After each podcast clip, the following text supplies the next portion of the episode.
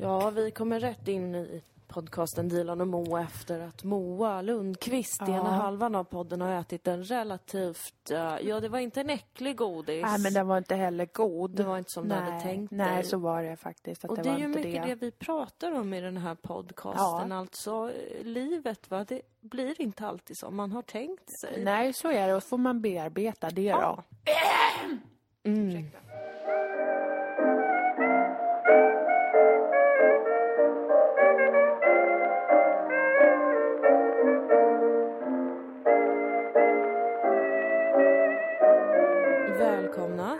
Avsnitt 77. Wow! Vi har varit i Umeå. Ja, tack alla som hjälpte oss att samla in pengar genom Ja. kultur till Musikhjälpen. 12 000 kronor samlade vi in. 12 650 blev det. Herre min Jävlar. moder. Med tanke på att vi inte sålde något och eh, Vi sålde gjorde- våra kroppar ju. Ja, inte på det sättet. Inte på det sättet. Men vi Men vi stod på teater. scen och gjorde teater. Impro. Och quiz. Det var jättekul. Umeå, jävlar vad trevligt vi har det där. Det är som Jag Göteborg. Mm. Ja, Och Stockholm. Det är som alla städer förutom Malmö. förutom att jag inte älskar Stockholm.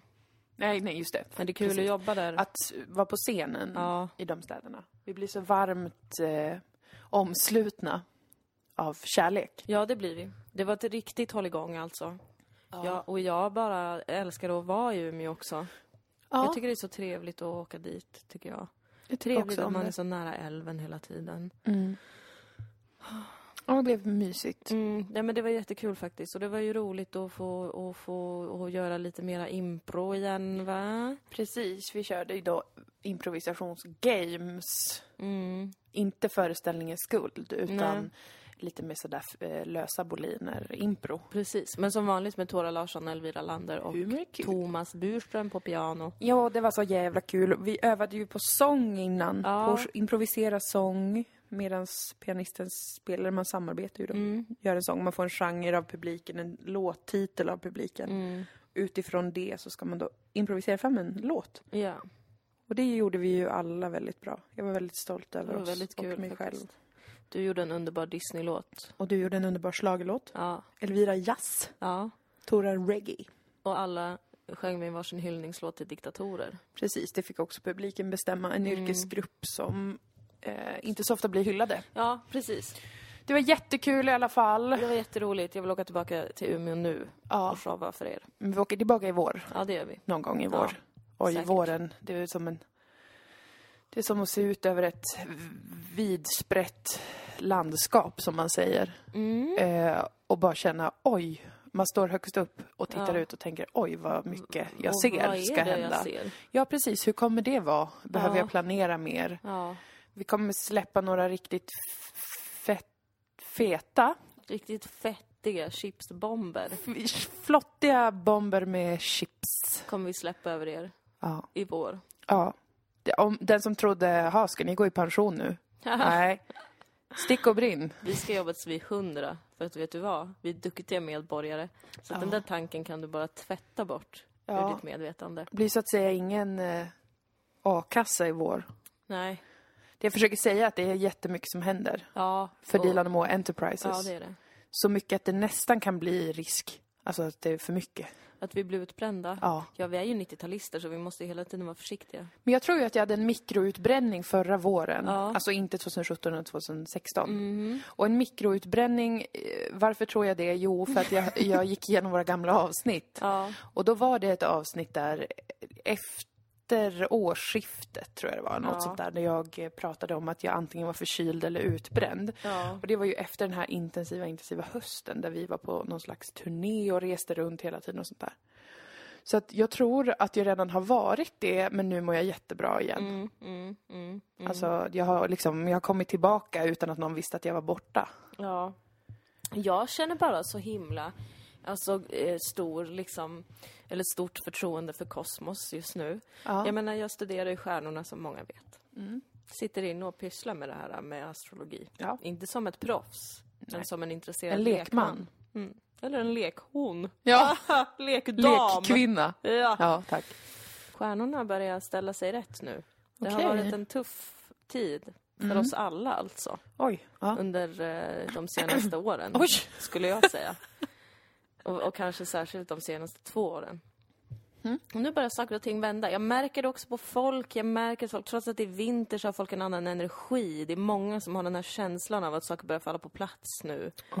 Eh, till slut det var så svårt med allting. Mm. Jag anar denna förändring. Jag välkomnar den. Mm. Och jag säger, ingenting kommer vara jobbigt i vår. Oj, För att vad vi kommer vara i skönt. en manisk fas. Okej. Alltså en manisk planetär fas. Eh. Ja, ja inte att vi kommer... så här, "Åh, jag vill bara göra saker! Mm. Och sen kanske man eh, behöver bara semester. Jo, men det brukar man väl behöva ändå då. Eller Ja. liksom, det är generellt en bra idé att ta ledigt och tänka på andra saker under Ja. några veckor i sträck. Mm. För nu blir det ju inget riktigt direkt jullov här. Vi kommer ju ta paus från podden, men Ja. det kommer ett nyårsavsnitt. Det gör det. Eh, men vi kommer väl sen tillbaka typ där runt ja, 10 januari, någonstans där Ja. kanske. Vi får se lite beroende på vars orken ligger. Ja, och vi, vi, vi måste mötas igen efter jul. Vi kommer ju Mm. sära på oss nu. Ja, det känns otryggt för det är första gången på länge som det ska vara någon längre period. Ja, nu ska vi gå och umgås med våra riktiga familjer. Ja, blood. Det känns speciellt. Mm. Eh, jag kommer också vara borta på nyårsafton. Medan du och Maria lär ju ha någon rolig nyårsfest Det tillsammans. är faktiskt rätt sorgligt att du inte är med då, men nästa nyår så får vi se till att hela MDMA Alltså är det samlat. är så sorgligt. Mm, och det det finns ingenting det. jag kan göra åt det. Nej, det är liksom acceptera Det är bara att acceptera och läget. veta att du har en plats här även när du Ja, inte är jag är så här. besviken på mig själv. Mm. Alltså förra nyår så var jag ju här i Malmö Just det. och härjade runt. Ja. Och då ringde jag och min pappa varandra på nyårsafton. ja. Berusade. Som jag man skulle gör. bli glad om du ville fira nyår här något år. Ja. Säger han till mig som att vi aldrig har firat nyår tillsammans. och jag upplever det som att vi aldrig har firat nyår tillsammans. Mm. Och bara, ja det är klart. Åh pappa, familjen, hur mycket tid har man med varandra egentligen? Mm. Mm. Nu står jag här och känner att... Va? Hur tänkte jag? Ska jag... Vi ska få släkt över, Moa. Ja, tjejs. Två enheter, Ja. familjer, Ja. ska komma till oss och de har små barn. Oj, oj, oj. Mina, det är alltså mina kusiner som jag älskar väldigt mycket. Mm. Men de är ju också barn. Barn, ja. Och jag är just nu i en fas där jag är väldigt alltså, skeptisk mot barn. Mm. Och det är jobbigt. Ja. Det har ju kommit fram lite, kanske förra veckan tror jag. Ja. Med barn. Det var mer att jag tänkte på att folk skaffar mycket barn. ja, just det. Precis. Men nu, den, den tanken är väldigt stark hos mig fortfarande. Så nu när jag ser barn så och tänker jag mycket liksom att Vet du vad du har hamnat i för någonting? Ja, precis. Vet du att du är, finns här för att någon annan behövde bekräftelse? Mm. Och nu behöver du bekräftelse. Ja. Det är ju själva fan. Men jag vill att alla ska ta det lugnt. Jag tror att den här fasen bara är en uppladdning inför att jag själv kommer börja längta väldigt mycket efter barn nästa år. Okej. Jag tror att det är det. För jag tycker att det känns onaturligt att jag ska gå runt och tänka på det här så mycket och vara så känslosam kring det. Så jag tror att det är någonting med att jag har en självbild som är så här. Dilan är så himla skön. Hon ska hålla livmodern tom. Och hon har inga känslor kring det där och längtar efter någonting. Hon är inte som andra kvinnor. Och så vet jag någonstans instinktivt att den självbilden är inte sann. Ja, den låter väldigt ung. Ja. Och då blir jag Alltså- så här jätte desperat efter att inte vilja det. Så jag tror att det kommer slå över i att jag kommer bli åtta barns mamma. Okej. Ja, det är många. Men Det är eh, inte något jag längtar efter, det är heller Nej, ingenting jag står för. du skulle ju inte kunna längta efter det nu heller i och med att du är just i den fasen. Ja, det är jag. Det finns ju en funktion i att inte du längtar Varför efter det. skulle jag Vad? Längta? längta efter en sån sak? Ja, nej, vi får släppa det. För precis som förra gången vi började prata om detta var jag tvungen att klippa bort det. För att det är det här vi har pratat om så många gånger. Ingen Ja. av oss har en balanserad inställning till... Ja, men jag vet Barn. och det, jag ber om ursäkt alltså, men jag måste vara ärlig. Där, där vandrar mina tankar. Men låt mig slänga in ett litet annat perspektiv då. Ja, Vad häftigt det är att man kan få barn. att kvinnokroppen kan bära ett nytt liv. det är ju coolt. Det är ju en superkraft. Det är ju applådläge. Ja, det är det. Så det kan man också tänka på. Ja. Att det är ju nästan magiskt. Ja, det är Vad det vi bär verkligen. runt på för maskiner Ja. i oss själva. Ja, det är otroligt. Det är helt fantastiskt. Ge er själva en applåd ni som har en sån kropp och vill Wow. utnyttja den möjligheten att alltså avla fram en ny organism ur buken. Mm. Ja, men eh, det, du kommer klara det. Du ska också vara omkring massa barn på, Ja, jag har ju fem julen. syskonbarn. Ja. Så det blir ju intensivt. Vi kommer dock vara i södra Sverige och fira jul. Jag längtar väldigt mycket. Jag ska också... eh, Har du fem eller sex syskonbarn? Jag har fem eh, syskonbarn och eh, sedan så har min, en av mina systrars eh, bästa vän som hon också bor med och den biologiska pappan i barnet då fått ett barn. Så det där är ju liksom, det. ja det är ju extended family, Ja. är det. Det var väldigt lyckosamt att eh, det har kommit en till bebis. Var det konstigt att jag tog upp det? Nej, det tycker jag absolut Nej. inte. Jag tycker att eh, det, för det är bara per default som man liksom benämner familjen på ett visst sätt hela tiden. Så att jag, eh, jag du vet att jag är all for Ja, that. glädje. Och titta, jag blev jätteglad över det ju. Ja, det blev du verkligen. Då blev jag jätte, jag tyckte till och med att bebisen var söt och Ja, vacker, fi- precis, om fick- jag får säga Ja. det, utan att låta som ett pedo. Du fick se den lilla bilden Ja, där som vi fick jag. fick i chatten. Stolt. Jättekul! Ja, men jag har ju blivit mer eh, accepterande, skulle jag vilja säga, Ja. kring detta med att det kommer barn och att det kanske inte gör så mycket då, Mm. har jag lite mer börjat tänka. Men eh, som sagt så försöker jag hålla mig ifrån det området, för jag vet att jag lätt går in i något som jag redan har varit i. Ja, Eh, och därför, därför tänker jag mig att det håller på att utvecklas just nu. Men vi har ingen ny info riktigt än. Förutom kring det här barn. med... Ja, nej. Nej. Ingen ny info kring våra ståndpunkter kring barn. Nej, nej, det är bara Fortsatt samma gamla. Alltså, att det här är, men nu är det väl lite mer närvarande på Ja, något vis. Alltså ja. jag, jag, jag, jag upplever i alla fall att jag tänker på det mycket oftare. Jag Ja. ser barn mer, jag tänker mer. Men det är Mm. också lite som du var inne på, det är ändå samma liksom tankemönster som kanske när jag var 17. Ja, men precis. Jag har ju samma upplevelse gällande mig själv. Alltså Ja. att det har inte gått så mycket längre Nej. rent eh, sådär i eh, analysen av det eller sådär. Nej. Det, men det, det händer säkert med åren. Eller jag vet Det inte. kommer! Du vet att det är så många som har varit där vi är nu. Nej! Och sen så blev de lite äldre och sen kom det. Det vet vi alla. Ja, ja. Men det blir ehm, bra att fira jul och nyår och det. Fast jag ska åka runt mycket. Ja. Jag ska till min killes familj också. Det blir ju supertrevligt. Sen ska jag hälsa på dig i Täby och din familj. Mm. Ehm, det blir också supertrevligt. Och sen ska jag tillbaka till Malmö. Ja, Så att nu vet ni det. Varsågoda. kul. Arrow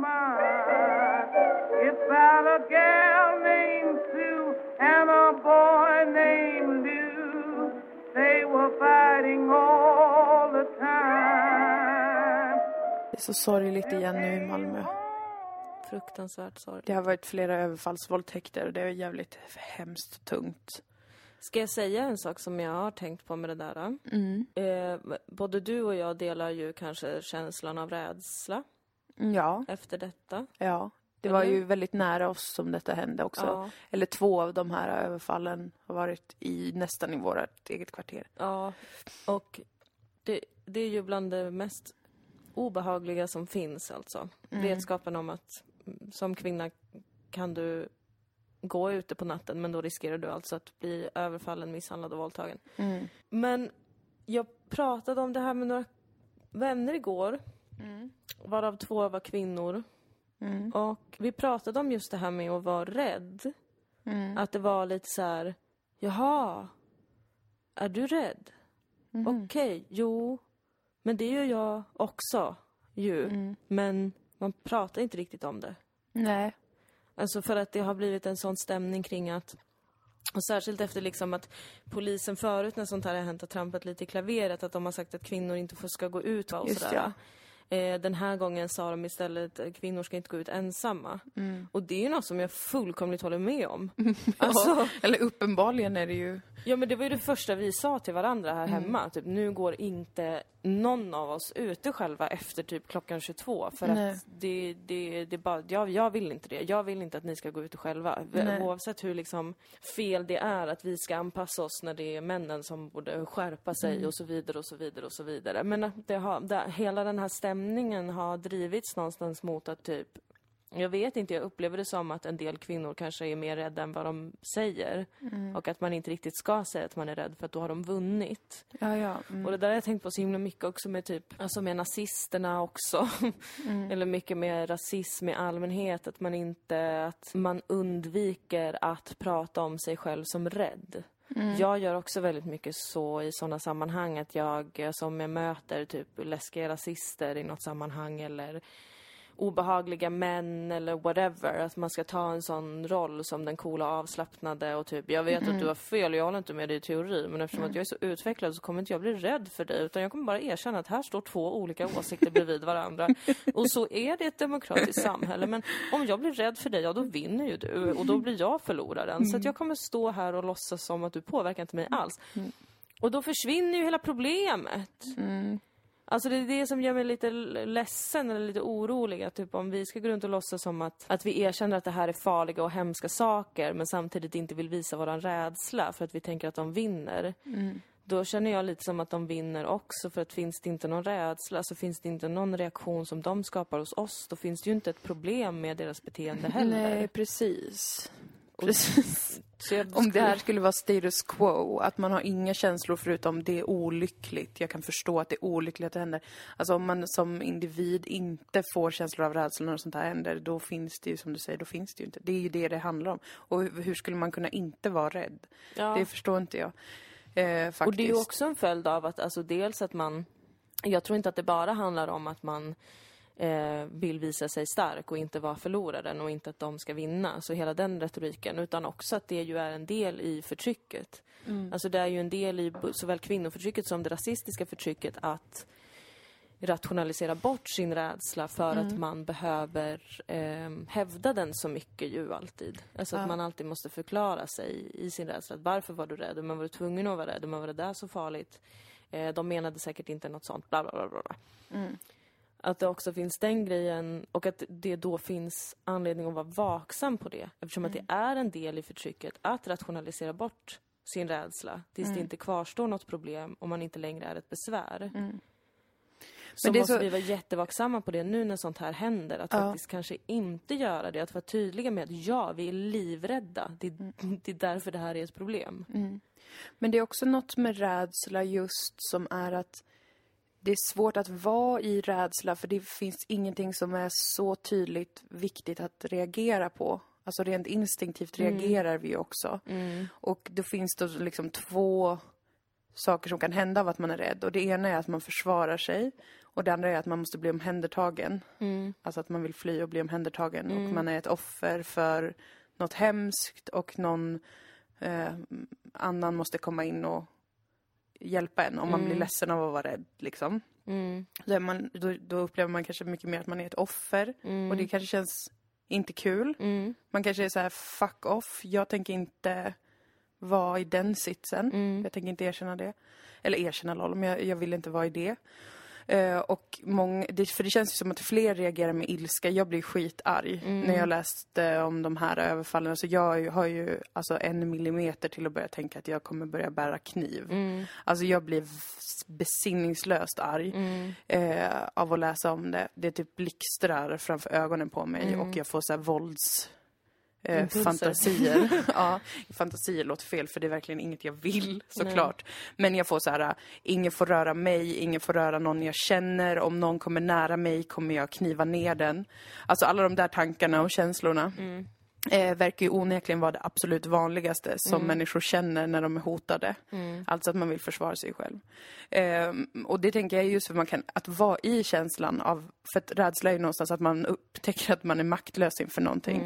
Eh, just när det kommer till de här överfallsvåldtäkterna, då som kvinna kanske jag snabbt sätter mig in i situationen av att ha, ha gått hem själv på kvällen. Och jag tänker mig hur det skulle vara att upptäcka att det är flera stycken människor som förföljer mig. Och, alltså, man lever sig in i det väldigt snabbt om man har den då fysiska erfarenheten av att vara kvinna eller man läser som kvinna eller eh, i andra sammanhang på andra sätt. Eh, Så då, på ett sätt går man ju då in i rädslan när man läser om nyheten. Även om det har hänt någon annan som man inte känner och sånt där. Eh, och inte ens när man inom citationstecken bara läser om det så kan man tillåta sig att vara ledsen och maktlös och rädd. Utan direkt så antingen så blir man kanske jätte, jättearg, som de allra flesta. Besinningslöst arg. Och eh, får panik nästan av hur Ja. vidrigt det är. Eh, och sen så kanske det finns några som ändå ja, men, bryter ihop av det kanske då, eller liksom börjar gråta så att någon annan får trösta en och sånt där. Men jag tror att det är väldigt vanligt att man inte kan bara vara så här, det här känns så himla, himla, jag känner mig så maktlös och det är så obehagligt, punkt. Utan Det är som att det måste följa någonting där. Mm. För att det är så obehagligt att vara eller det är typ omöjligt Ja, det att vara är det. Och i, så jag, att säga. jag, jag vill ju heller inte att folk ska gå runt och vara rädda. Alltså, det är ju inte det jag menar. Men mer bara att när man pratar om de här sakerna, att det också får finnas med. Mm. Ja men alltså, Alltså, jag håller det med dig. Jag menar, jag tänkte bara på det som liksom varför. Ja, ja nej, nej, Mm. absolut. Nej, men jag tänkte att jag kanske hade varit otydlig innan. Och att jag ty- tycker att kvinnor ska gå runt och vara skräckslagna och stå för det. Men nej nej, det tolkade jag inte. Alltså i själva problembeskrivningen, alltså Mm. när man pratar om varför det här är ett problem. Alltså man pratar mycket om att kvinnor ska känna sig trygga och allt det där. Men jag, jag vet inte, jag, jag undrar om det är specifikt ordet rädd Mm. som jag faktiskt vill se oftare i de här sammanhangen. Mm. Att folk erkänner sina rädslor och att det är Mm. viktigt.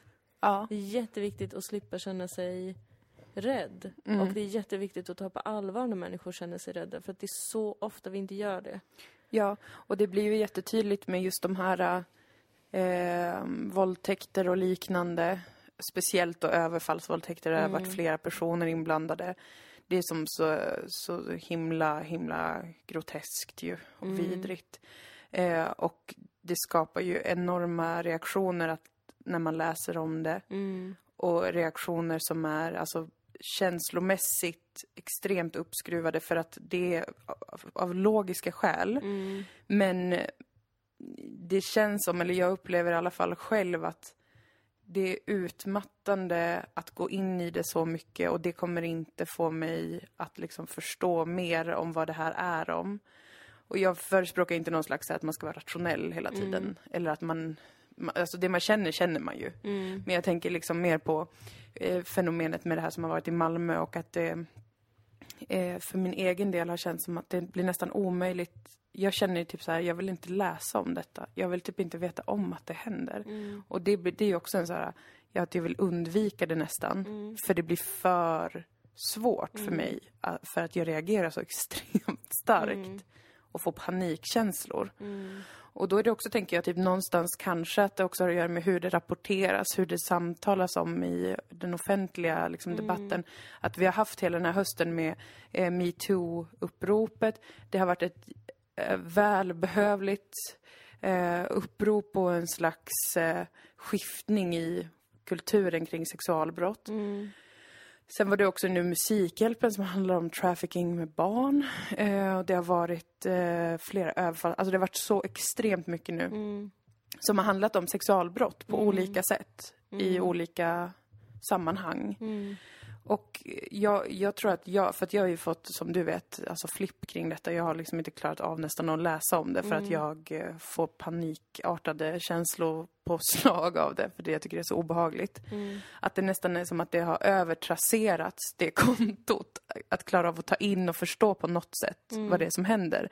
Är liksom, det är har varit så mycket nu och så, så få redskap för att förstå. Och nu kanske jag låter jättemycket som en typ en liberal kille, jag vet inte. Men, men för jag tycker att om man inte förstår någonting Mm.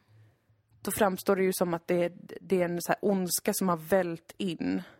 Så är det jättemycket med de här gängöverfallsvåldtäkterna.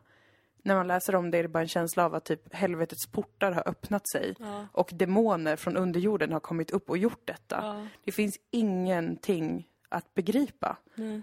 Eh, och då kan man bara reagera med skräck och känslan av att jag kommer, jag kommer liksom försvara mig själv med vapen om så behövs. Men och hur- den eh, situationen är inte så bra tror jag. Vad, vad, hade du, vad hade du velat se istället, så att säga? Vad, vad hade kunnat göra det mer greppbart för dig som nyhetskonsument? Alltså jag tänker ju mm, att det, det är verkligen en viktig funktion att det har varit mycket fokus på, på offren och deras berättelser och erfarenheter av att utsättas för eh, övergrepp. Mm.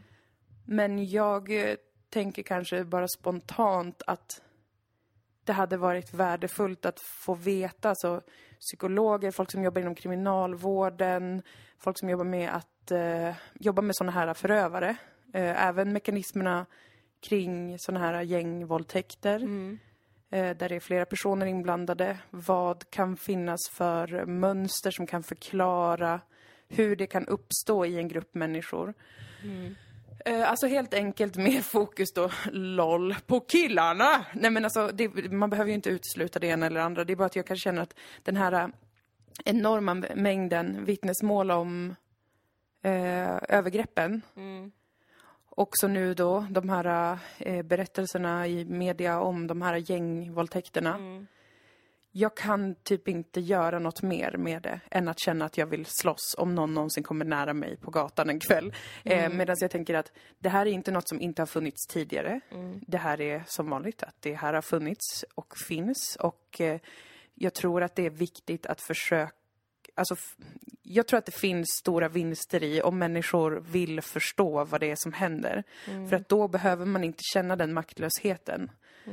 Jag tror att alltså, om du väl är utsatt för något, då, då reagerar du som du gör. Då kommer du vara livrädd och panikslagen och göra det ena med det andra. Men liksom som en person som inte är utsatt för något av detta i nuläget, ta i trä, så så för att inte jag ska gå in i en känsla av total maktlöshet och eh, aggression och våld, våld så tror jag att jag eh, och många med mig skulle behöva försöka på andra sätt förstå vad det här handlar om. Mm.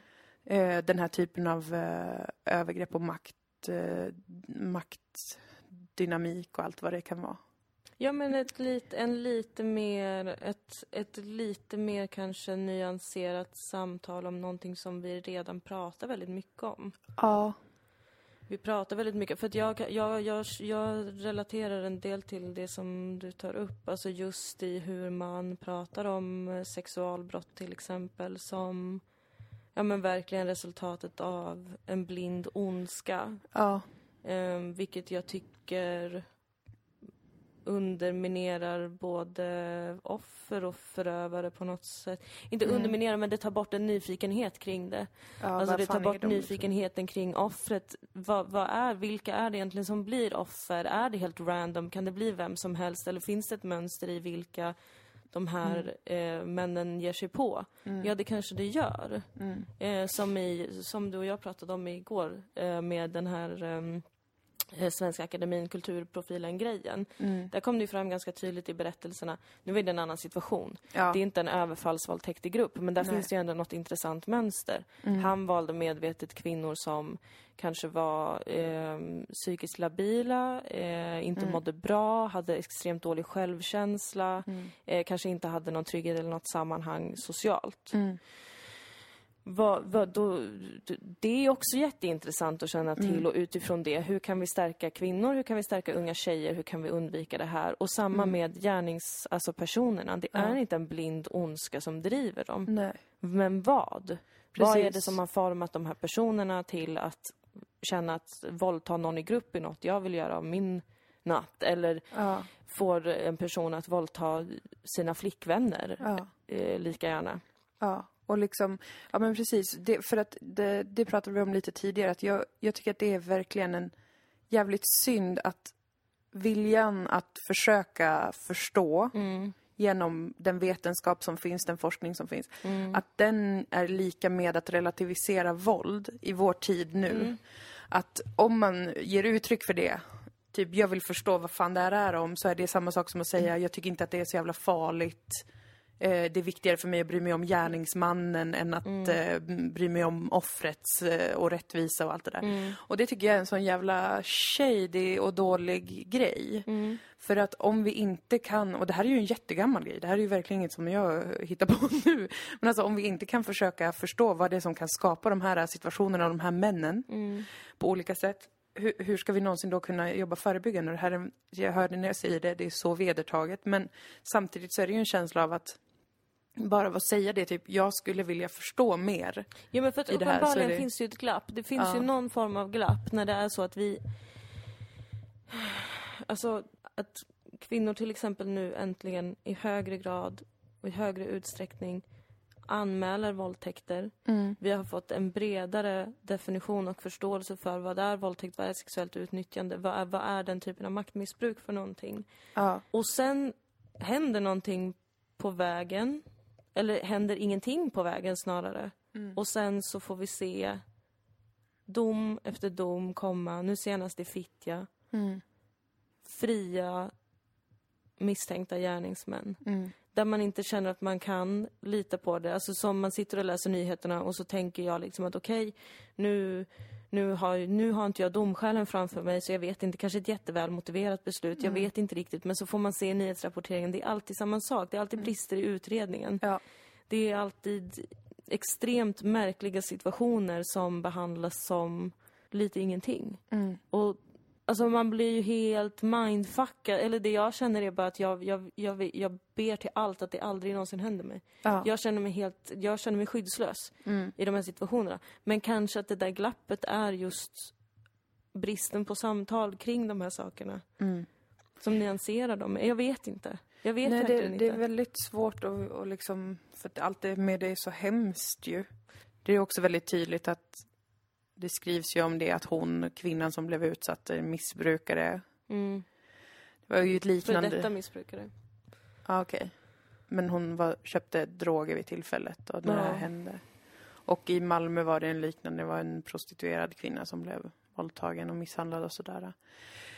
Ehm, och det är ju sådana saker som spelar in också, även fast man inte vill tro det, att det spelar in på sätt som kanske inte går att sätta fingret på. Alltså i en rättegång. Mm. Under en rättegång, de, eh, de berättelserna från de kvinnorna kommer inte väga lika tungt på grund av sådana omständigheter. Nej, exakt. Och det är ju, det är liksom, det är samma typ av eh, ändå något sådana här dolda mekanismer där man kanske inte kan se, man kanske kan eh, förklara för sig själv då om man sitter och dömer i ett sånt fall. Mm. Så kanske det är så här, ja men alla vet typ att någon med en, en drogproblematik, Mm. alltså det behöver inte uttalas utan så här, jag vet om det. Mm. Att det, så att det spelar in på ett sätt som inte är eh, uttalat. Mm. Skulle man säga det rakt ut så skulle det ju vara många som protesterade kanske. Och sa så här, du kan inte eh, så här, underminera den här människans berättelse på grund av dina fördomar om hur en person som har haft ett missbruk lever. Mm. Och samma med, du kan inte utgå från det och det på grund av att denna människa är född i ett annat land. Men så länge det bara finns i folks huvuden outtalat Mm. och reglerna utgår från det, det outtalade, då kommer resultaten bli fruktansvärt orättvisa. Och det kommer kännas som att det är som spökkrafter som bara gör, drar ner vissa i världens jävla rättslösa skithelveten. Men det känns ju också som att det inte spelar någon roll. Alltså, för det, det, det, blir, det blir det intrycket man får alltså när man följer då den här senaste nyhetsrapporteringen och verkligen som eh, den här kvinnan då som har haft missbruksproblem och liknande.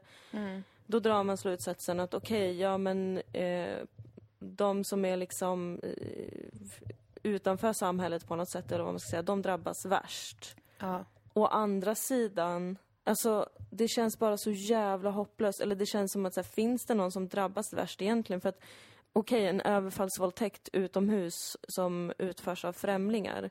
Där är oddsen högre att det kanske är en utsatt person som utsätts. För att de rör sig utomhus mer och kanske på nätterna mer.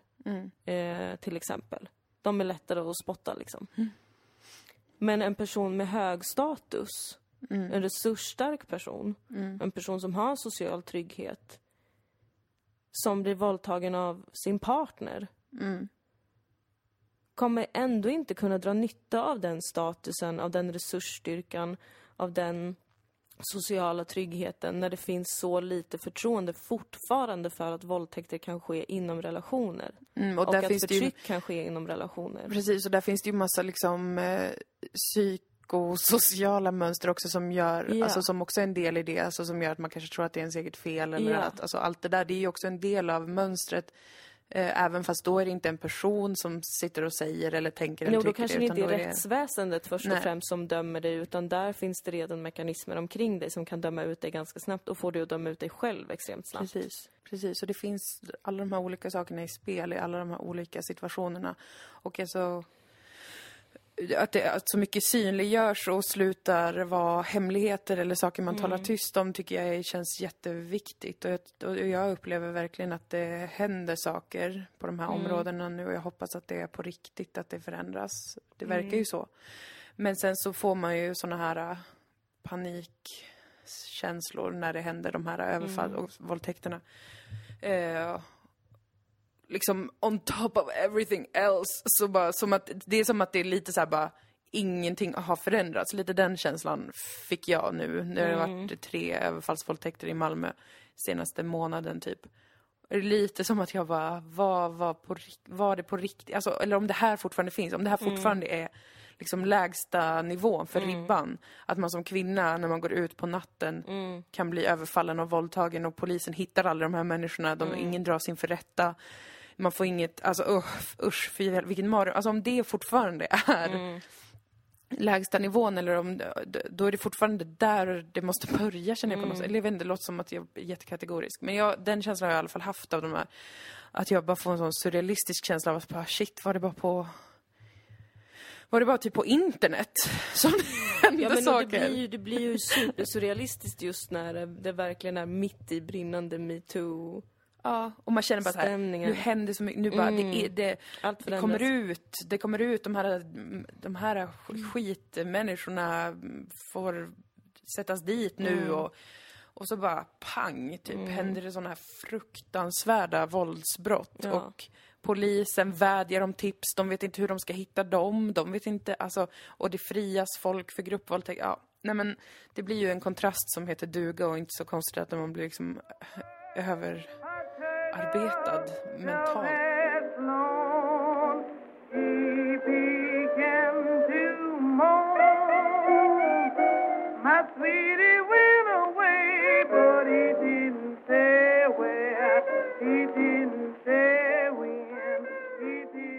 Sen var det ju också Kim Wall, alltså Peter Madsen, det här styckmordet i höst. Jag har ju varit förstörd över det. Alltså jag vet inte riktigt. Det var för att det var så mycket som en skräckfilm, hela det fallet. Och typ, Ja, jag har distanserat mig oerhört ifrån det. Ja, det var skönt för dig att du fick Ja. göra det. Ja, men ja, det är som att alla såna här eh, sexualbrott mot kvinnor den här hösten har liksom gått rakt in i mig. Mm. Och det har resulterat endast i att så fort jag läser om det så vill jag typ gå in och köpa en kniv som sagt. Alltså Mm. jag, blir, jag, jag har blivit fullkomligt... Eh, så här, jag, jag måste försvara mig. Och jag vet ju någonstans att det är, inte, det är inte där vi är, men det är det den rapporteringen och den mängden eh, gör med min upplevelse och min förståelse av det här samhället och vad vi lever i. Det är ju som att känna som att någon har utropat krig mot kvinnor. Lite så känner jag när jag läser Ja. nyheterna. Ja. Att typ, varför försvarar vi oss inte? Varför, eh, varför lär vi oss inte kniva ner någon som överfaller oss? Jag fick ju blir bara direkt här, känslan av att det här var, det här är, nu är det, nu är det några jävlar som är ute och hämnas. mot att kvinnor har fått luft. Fy fan. Usch. Alltså mörk, eh, alltså eller dubbelt. Både ljus och mörk kvinnohöst på det sättet att Ja. saker händer i alla fall. Eh, men det är mycket att ta in att allt detta händer och har hänt. Och, och rent för mig själv då som individ så känner jag ju nu, börjar jag känna i och med det här med att jag har läst så mycket om det här och blivit så himla känslomässigt eh, psykad och helt förstörd av det. Så jag har känt kanske ehm, jag behöver backa från att läsa om det här nu. Det här låter jätteegocentriskt jag vet om det. Men, men det, det har en större poäng. För att jag tror att det här känslotillståndet som jag befinner mig i när jag läser om det här. Jag läser ju nästan uteslutande på sociala medier. Eh, olika människors egna berättelser men också nyhetsrapportering som är väldigt ingående om de här övergreppen. Det, kommer bygg, det bygger min grund för hur jag tror att det funkar nu. Och det är där utifrån som jag reagerar som jag gör. Jag kan inte sätta in det här i ett kontext för jag känner alldeles för mycket. Jag kan inte, jag, alltså, om någon kommer och säger så här, ja fast det är lika många överfallsvåldtäkter som förra året så det har inte blivit fler. Det spelar liksom ingen roll. Nej. Det spelar ingen roll om någon säger det har blivit mycket bättre till och med. Eh, mycket mer anmäls och allt är bättre. Det spelar liksom ingen roll för att jag har liksom byggt ihop nu utifrån de, den här rapporteringen och alla berättelser en, en väldigt akut situation som jag upplever att vi befinner oss i. Och så här gör ju vi människor med, det, så- med saker som vi brinner för. Eh, Alltså de som till exempel är superkonspiratoriska mot invandringen, de bygger ihop en sån här värld av sina flöden. Och är så här, det är akut, det är akut, det är en kollaps. Eh, vad fan Fast ska vi det göra? finns väl Det är- en viss skillnad mellan de två. Ja, i det att den ena, ena är en total konspiration. Ja, precis. Och den andra har det ändå hänt någonting. Jo, men alltså Verkligt. man, man har ju sina, man väljer ju sina nyhetsrapporteringar. Alltså, jag menar, det är ju inte omöjligt om man har vissa typer av flöden som bara rapporterar om brott och upplopp i förorterna. Eh, och då kan man ju lätt bygga ihop en värld där man tänker nu har det totalt fallit samman Ja. i alla Sveriges då socialt utsatta områden och det är på grund av eh, vår, på grund av invandringen. Och så kan man vara så här, det är akut, vi måste göra någonting. Eh, nu startar vi ett parti, nu röstar jag på ett parti. Du förstår vad jag menar? Att liksom, jag, jag tror att det gynnar inte så mycket någonting att bygga ihop det så här. Nej. Alltså, och man gör det ju inte för att det gynnar något heller. Det är ju en känslomässig reaktion på de typer av informationsflöden som vi eh, till viss del bara serveras, men då till viss del söker upp själva. Eh, och därför så har jag personligen tänkt, okej jag måste backa lite. Det betyder inte att jag inte tar det på allvar, det betyder inte att jag inte känner saker för vidriga brott som begås mot kvinnor. Men jag måste backa jag måste försöka få en, en, en liten distans ändå. Känslomässigt, inte intellektuellt, för där vet jag exakt vad jag tycker om det som händer, obviously. Men det blir liksom en... Eh, jag vet inte, det, jag kan uppleva, som jag pratat om många gånger innan, att man mjölkas nästan på känslor. Som en dum kossa. Och att det är det som, enda som räknas. Nästan. Jag läser ju inte mycket nyheter. Jag får ju mina, de flesta nyheter av dig. Ja, Och jag, har, jag, har, jag är också så att när jag läser ny- nyheter så läser jag dem väldigt mycket som en jurist. Mm. Att jag läser dem väldigt sakligt och så läser jag dem alltid som att jag tänker mer på vad som inte står med och vad jag inte vet om. Ja. Och därför vet jag ingenting just nu. Och då kan man ha en ganska krass inställning till saker och ting. Så Mm. jag tror att det är därför som jag kanske vill dyka in i det mer känslomässigt. Ja, För att jag märker att nu håller jag mig väldigt sval kring det här, men det här är faktiskt någonting som påverkar mig Mm. personligen i allra högsta grad. Och Ja. där känner jag att jag behöver känslor. Ja. Jo, men det är en jävligt eh, fin balans. Eller jag vet inte om man någonsin kan ha en balans. Men det, det är väldigt logiskt att se, eller jag vet inte, jag, jag tror bara inte att det är irrelevant, liksom de här sakerna. Hur vi tar till oss det och hur vi formar våran eh, världsbild utifrån våra känslor som uppstår när vi läser, eller eh, inte läser, olika typer av information. Mm. Det är ju återigen inga nyheter att det går till så, men det har varit aktuellt för mig nu just på grund av den här höstens eh, olika Små upptåg. Me- metoo och eh, brott mot kvinnor och, och sådär. Att det, det känns som att det är väldigt, det är nästan för tätt ihopkopplat. Att så här, om jag inte känner så här, då betyder det att jag inte tycker att det är farligt. Men så är det ju inte. Nej, så är det inte. Och det där får man väl, ja, det får vi alla hjälpas åt att stå emot den där jävla inställningen till att tycka och tänka. Jo, alltså det, för det är uppenbarligen det allra svåraste är att eh, läsa och ta till sig saker och inte säga så mycket utan fundera och sen ta till sig saker från kanske som har en annan utgångspunkt. Alltså, och man kanske inte vill det heller. Alltså det är inte att jag försöker bygga något nytt ideal. Men jag, eh, jag tycker själv alltså att det kan fälla mer än vad det sår Mm. att, eh, att bli helt dränerad och till slut inte klara av att läsa någonting Mm. om saker som händer. Men är det inte tvärtom det som behövs då? Alltså är det ett misstag av oss? Är det typiskt eh, den underordnade, så att säga, att alltid vilja vara den som förstår? Och den som ska vara den större personen på något vis? Ja, kanske, fast... Är det inte helt rätt att vi blir helt jävla galna? Att vi blir dränerade, psykotiska, skriker rakt ut, blir de här hysterikorna som historien har försökt förvandla oss till? Mm. Och bara gör det. För att uppenbarligen får vi ingen respekt. Nej. Varför ska vi fortsätta anstränga oss? Jag vet ju svaret på det. Ja, Because all life is precious. And one should always strive to jag har ju typ börjat förespråka dödsstraff här hemma så att jag tänker, jag Ja. har uppenbarligen inte tänkt så. Men jag vet ju att jag gärna vill att vi ska ha ett eh, rättssamhälle som fungerar och jag vet att livet och eh, brott och inte brott är svårare oftast än vad man någonsin kan förstå. Jag vet att premissen är skev och jag vet att det är orättvist som det ser ut och jag vet att det finns starka maktsystem i rullning som påverkar människors liv ibland på ett sånt sätt att de blir utsatta för skit man inte ens kan föreställa sig och jag skulle gärna vilja att det inte var så. Allt sånt där. Eh, men samtidigt, om, även om man är underordnad i en viss situation eller att man är i en riskgrupp och blir utsatt för då till exempel sexuellt våld eller sådär. Ehm, att inte vilja förstå hur... För i, i grunden så är det ju människor som gör så här mot människor. Sen har vi olika då biologiska kön kanske och blir vi uppfostrade som man eller kvinna eller i en viss eh, religion eller kultur eller åt något. Men att inte vilja förstå hur andra människor kan börja tänka eller kan börja känna utifrån en given situation. Mm. Det för mig är nog ändå rent så rationellt en värre situation. Mm. Eh, även fast jag känslomässigt drar ju hela tiden åt det hållet. Att jag bara så här, att den som har, någon som har gjort så här, Mm. den ska fan brinna i helvetet. Och allt det här, allt våld liksom som föds ur att läsa om våld och som föds ur att eh, känna sig hotad och maktlös och rädd och förbannad. Men det är ju den gamla klyschan va, att våld föder ju våld och jag Ja, vet ju att ju jag hade ju gärna sett att vi inte gick mot ett samhälle där det är, är mer våld. Men det där är, det är spännande, tycker jag.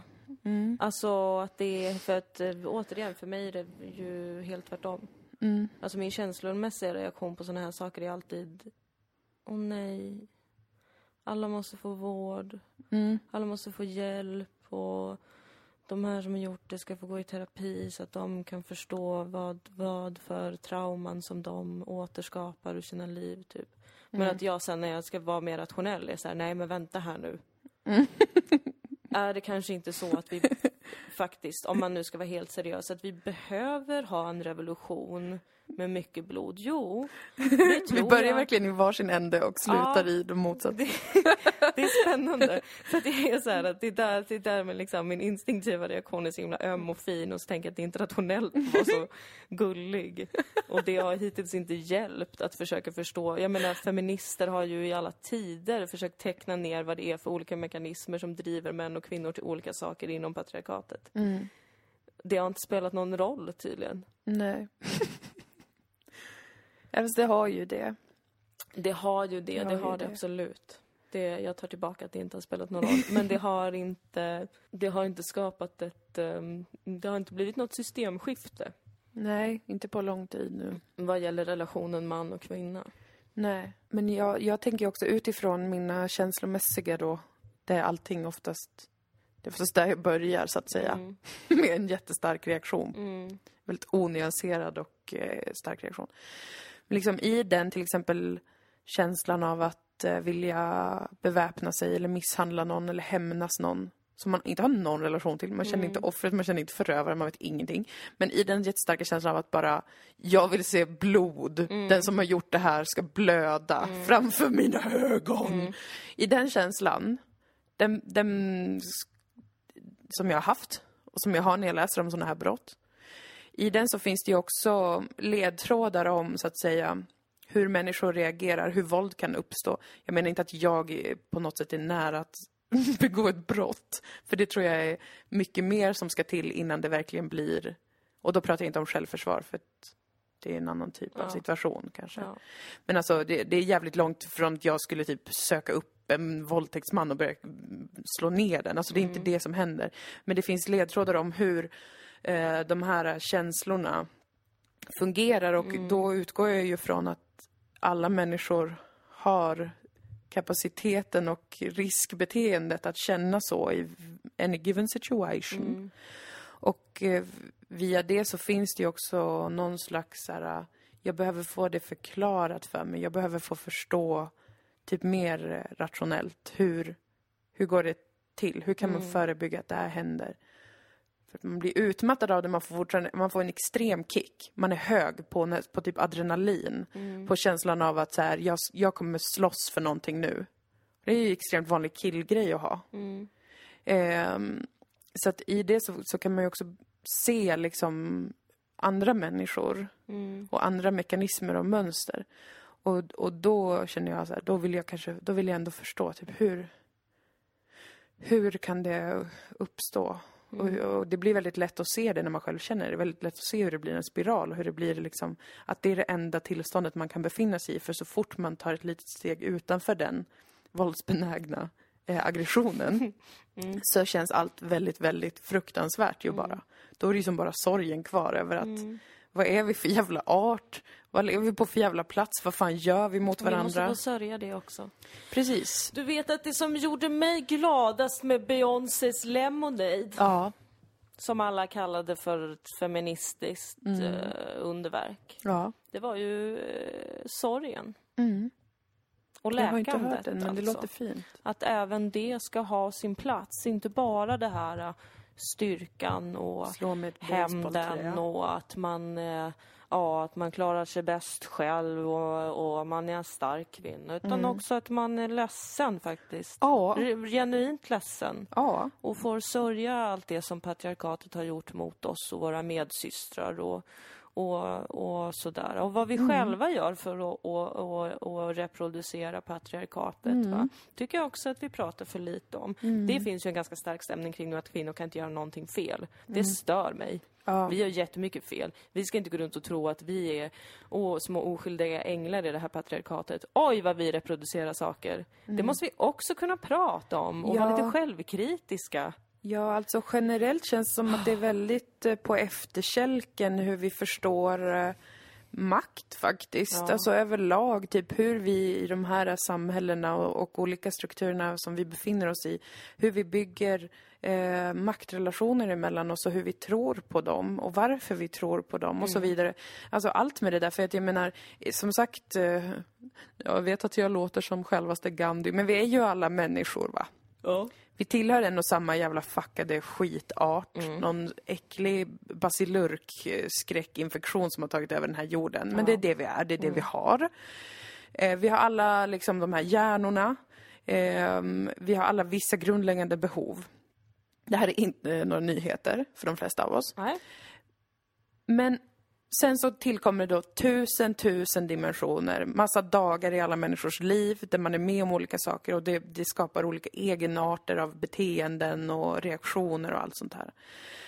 Eh, men vi är ju människor lika med vi är benägna att gå in i samma saker, i samma föreställningar, i samma mönster, i samma rädslor och allt det här. Och det är fascinerande hur man så snabbt kommer bort från det. Och för att man behöver inte, man kan fortfarande ha analyser gällande, alltså eh, könsmaktsordningen och liksom en vithetsnorm och allt. Det finns fortfarande, men i grunden så är det ju fortfarande att vi är människor som kan i vissa av de här situationerna begå vad fan som helst. Mm. Om det öppnas en sån lucka någonstans, då skulle det kunna vara jag som gör någonting sånt. Mm. Och allt det där grundläggande hippiesnacket tycker jag är fascinerande hur snabbt man kommer undan, för det är det enda vi vet. Ja. Egentligen, alltså det andra som vi har är ju olika teorier, konkurrerande teorier om hur eh, ja, man, människor blir och är och så vidare. Och det, det kan vi ju hålla på med. Men vi kan ju inte gå bort från det för mycket. Att det som en man gör när, när någon chef tafsar någon, några kvinnor på, på röven och är vidrig på sin arbetsplats. Att det skulle vara något väsensskilt från vad jag skulle kunna göra om en lucka uppstod. Bara ja, för, om för du att jag var är i en maktposition. Precis, även om jag är kvinna då och Ja. hetero. Liksom, det, för att det blir, jag håller med, det blir också så här, men ska, det, det är ju...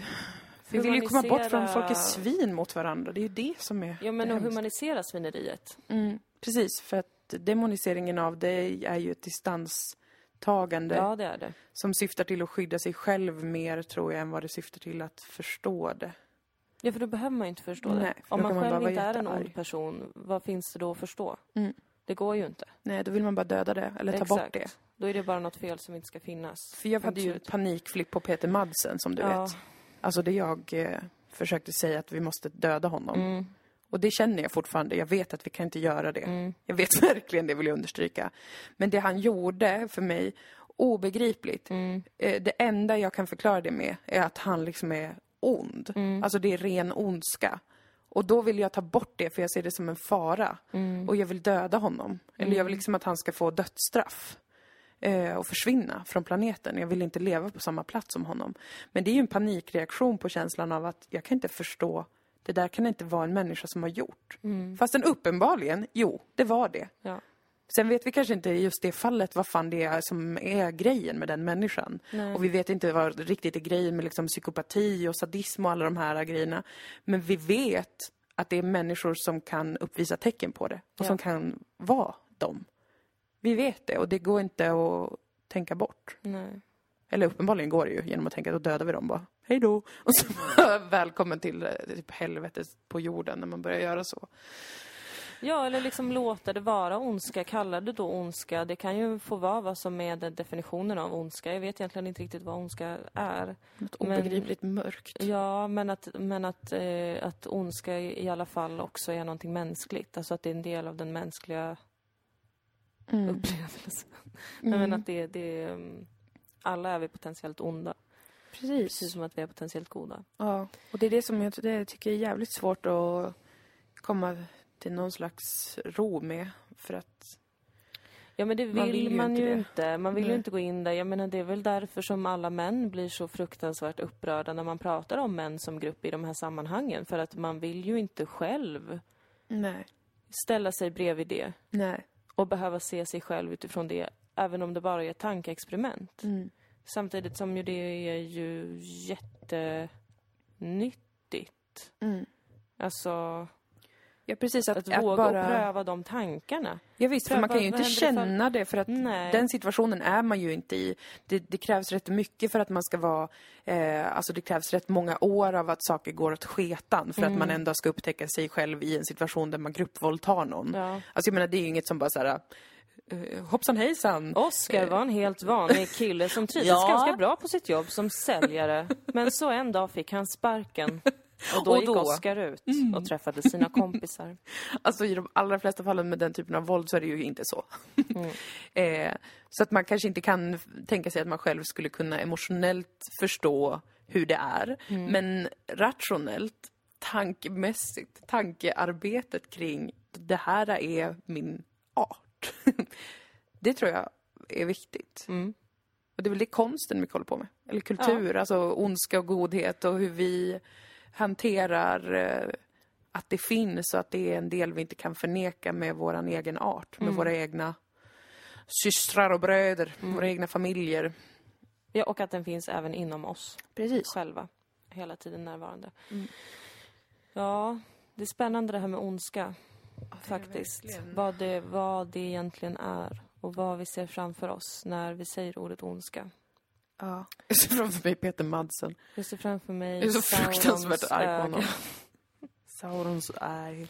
Men nu får vi nog ehm, ta och runda av det här samtalet. Jo, här blev ju ett rätt så seriöst samtal. Ja, det men blev det. Men så får det vara ibland faktiskt. Jo. Tack. Vi ska säga att eh, när ni hör det här avsnittet Mm. Då är det dags att vända blad.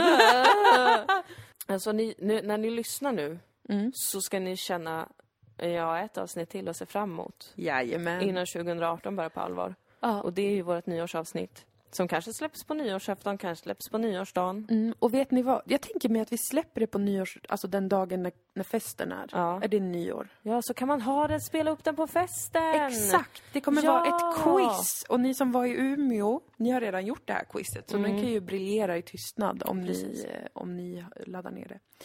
Vi kommer spela in flera frågor. Ja. Sen kommer vi ha en paus så man har chans att trycka på paus. Mm. Och så får alla på kalaset göra quizet. Mm. Tips, har man lyssnat på Dilan och Moas podd så kan man många av svaren. Ja. Förhoppningsvis.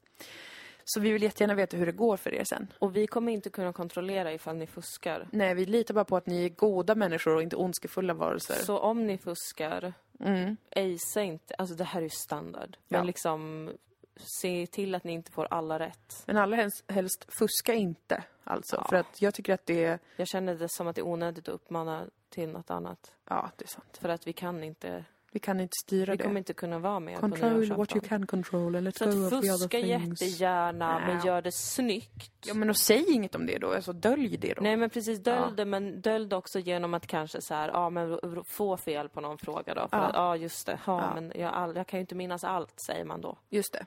Mm. Eh, Så på nyår, då kommer det quizet ut i poddform. Ett nytt Dilan och Moa möters quiz. Ja. Kanske kalla det, det lät Nej. inte så bra. Ehm, Och så får vi säga tack så jättemycket för det här året, för alla som hör av sig. Och vi har fått så fina teckningar. Vi fick nu senast en jättevacker eh, Knölval. knölvalsbild Av av Martin. Jättefin. Tack. Tack till alla som kommer Och på... tack för godiset. Ja, tack för godiset och boken och har vi fått. boken Oj, har vi Och fått öl. också. Ja, från Skalman. Ja, Mycket snällt. och så har vi fått eh, fler teckningar faktiskt. It's always sunny. Ja, Teckning. ja. Sticklingar. Herregud. Ni är så himla gulliga och det betyder Och en jättemycket. tavla fick ju jag. Ja, en jättevacker En tavla. enorm målning. Det är så himla, himla fint att ni vill ge presenter till oss. Jag älskar det. Och det är också jätteunderbart att ni kommer på livepoddar och Ja. föreställningar och Ja. ni som kommer fram och säger hej. Vi blir jätteglada även om vi ibland verkar disträ. Så är det inte för att vi tycker det är jobbigt, Nej. utan det är skitfint. Det är helt underbart. Vi blir jätte, jätte, jätte, jätte, jätteglada. Jo, här är så mysigt att ha er med oss och eh, förlåt för det här avsnittet om jag sa något konstigt. Jag kan inte minnas. Jag fick typ en blackout för att jag hade så mycket känslor samtidigt. Ja, men det är svåra ämnen vi sitter med Ja. i Dilan och Moa podcast. Men du vet att eh, det vet vi alla. Mm. Och vi har alla tålamod med varandra. Och Ja. här får man provprata. Ja, för det är alltid typ så här när det har varit så här intensiva nyhetsperioder eller vad man ska Mm. säga. Så känner jag alltid att jag vill inte säga något medan det händer. Mm, Utan det måste smältas en aning. ja. Men sen så kommer det ut ganska obearbetat i vår podd och olika saker och då Mm. kanske det kan tolkas på olika sätt. Men då får ni ju fråga ja, då får ni höra om ni er. tycker något verkar eh, fel. Eh, om ni vill eh, ge en liten julklapp till oss så kan ni bli Patreons. Jajamän. Ni går in på patreon.com Dilan och Moa Ja. och så donerar ni pengar till oss. Ja, visst. Och då eh, kan man donera ett, en dollar per, Ja, per avsnitt, avsnitt. till exempel. Det glädjer oss mycket. Vi har ju, tror jag, 70 stycken på Patreon som 70 stödjer oss. Tack till er! patroner och Patroner, ja. fler hoppas vi att ni blir för Ja. ni vet att eh, vi, vi eh, behöver det. Ja, det, eller det glädjer oss väldigt mycket. Ja. Och vi använder de pengarna till att kunna göra roliga live-grejer och sånt där när vi inte får så mycket betalt. Eh, spoiler! Eller jag kan säga så här, det här är inte en spoiler, men jag kan säga så här, Malmö, Ja. redan nu så kan ni cleara det här datumet i era små kalendrar. 28 februari. Ja. Vi säger inte vad än, för Nej. vi kan inte riktigt gå ut med vad som ska ske, men det är något förbannat kul. Och Göteborg, Ja. ja ni kan ta fram kalendern direkt och eh, skriva in både ja. första och andra mars Jajamän. som datum, datum, Datum. Där, där ni kommer vara upptagna med en viss poddduo Ja. som heter Dilan och Moa. ja, det är viktigt att börja planera våren redan Ja. nu. 2018 är bara runt hörnet och då är det valår också. Fuck me! Herregud. Jesus Jag Christ. tycker det ska bli spännande med valår kan jag säga. För att jag har Ja. ingen aning om vad de ska göra. Nej, vad ska de Vad ska göra? de göra partierna? De har ingen politik någon av dem. Nej, det blir spännande att se. Det blir jättespännande att se. Herregud. Och den där Stefan Löfven. Ja. Nej. Nej. Tacka vet jag Olof Palme. Så bra han var.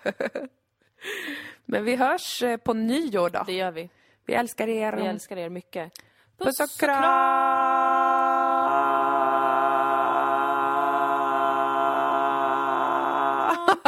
det är för mycket. Det är vackert.